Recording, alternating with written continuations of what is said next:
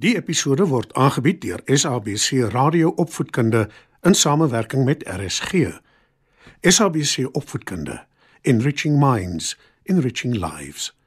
Opskud. Skryf nader en kom luister en leer saam.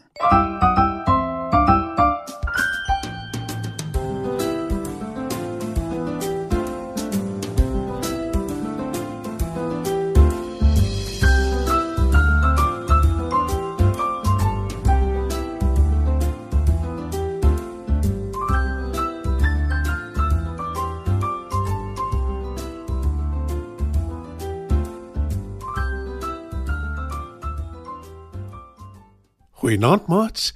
Dis weer tyd vir opskud. Skyf nader, dan val ons sommer dadelik weg met vanaand se storie. Die muis, die voël en die worsie.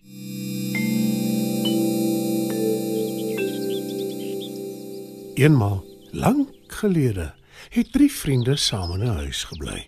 'n Muis, 'n voël en 'n worsie. Hulle het almal goed oor die weg gekom. Elkeen het sy huishoudelike pligte gehad en hulle getrou nagekom. Die voël het elke dag na die bos naby hulle huis gevlieg om hout bymekaar te maak vir 'n vuur om kos te maak.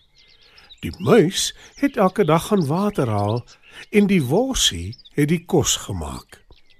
Op 'n dag, terwyl sy rondvlieg op soek na hout, ontmoet die voël 'n geveerde vriend wat wil weet hoekom sy so ywerig hout bymekaar maak. Die voël kan haarself nie verhelp nie en sy spog oor haar en haar vriende se goeie lewe saam.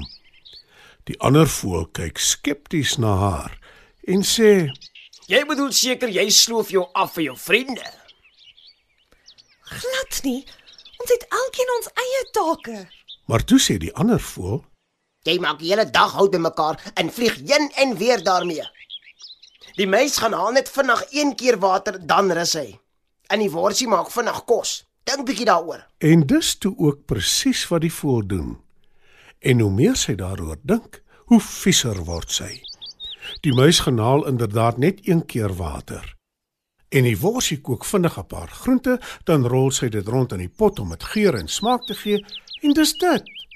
Elke aand gaan slaap hulle vroeg en sy is die enigste een wat dou voor dag op is om weer te gaan hout soek. Sy dink nog steeds daaraan toe sy die aand gaan slaap. En toe, vroeg die volgende oggend, vlieg sy nie soos gewoonlik na die bos toe om te gaan hout soek nie. Toe die ander haar vra wat aangaan, sê sy: Ek is moeg om my af te sloof en al hierdie harde werk te doen.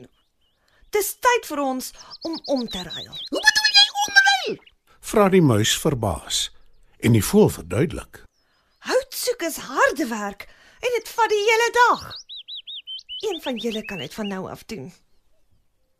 Nee, asseblief nie.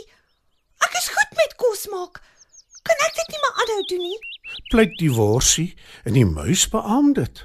En ek is goed met water gaan haal. Dit het nog altyd perfek gewerk. Hoekom het nou verander?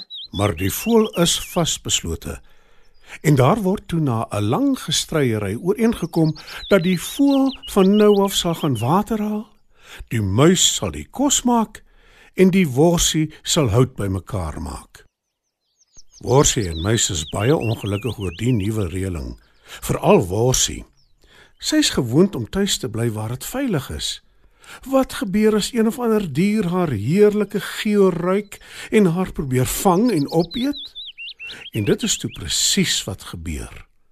Toe worsie na 'n lang ruk nie terugkom met die hout nie, sê muis: "Hoe sal ek vuur maak om die kos te kook sonder hout?" Maar die voël lag net en sê: "Ek het julle gesê, dis harde werk.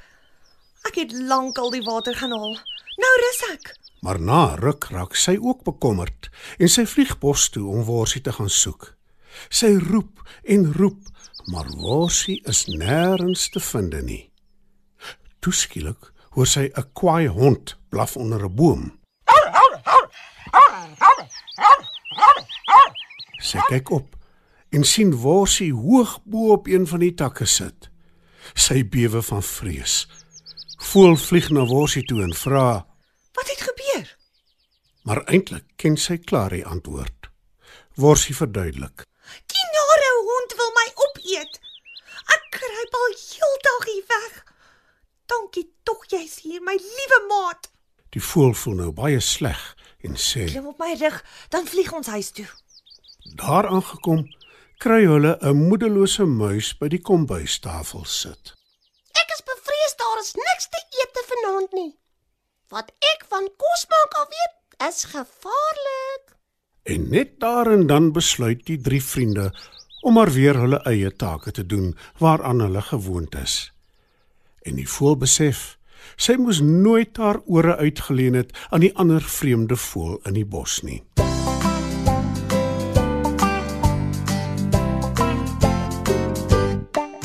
Op 'n groen groen dag in die bos was al die groenes op soek na kos. Maar o nee, 'n groot gemors. Almal soek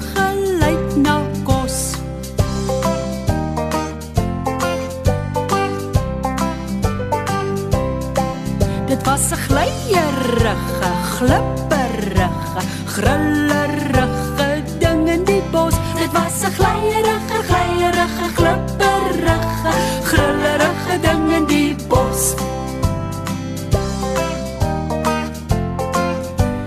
Groenerige slang wou vir para pik pik. Groenerige para wou vir gogga sluk sluk. Groenerige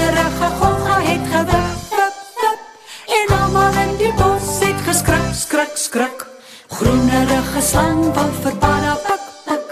Groenerige para wou vir gogga sluk sluk. Groenerige gogga het gewip wip wip. En almal in die bos het geskrik skrik skrik.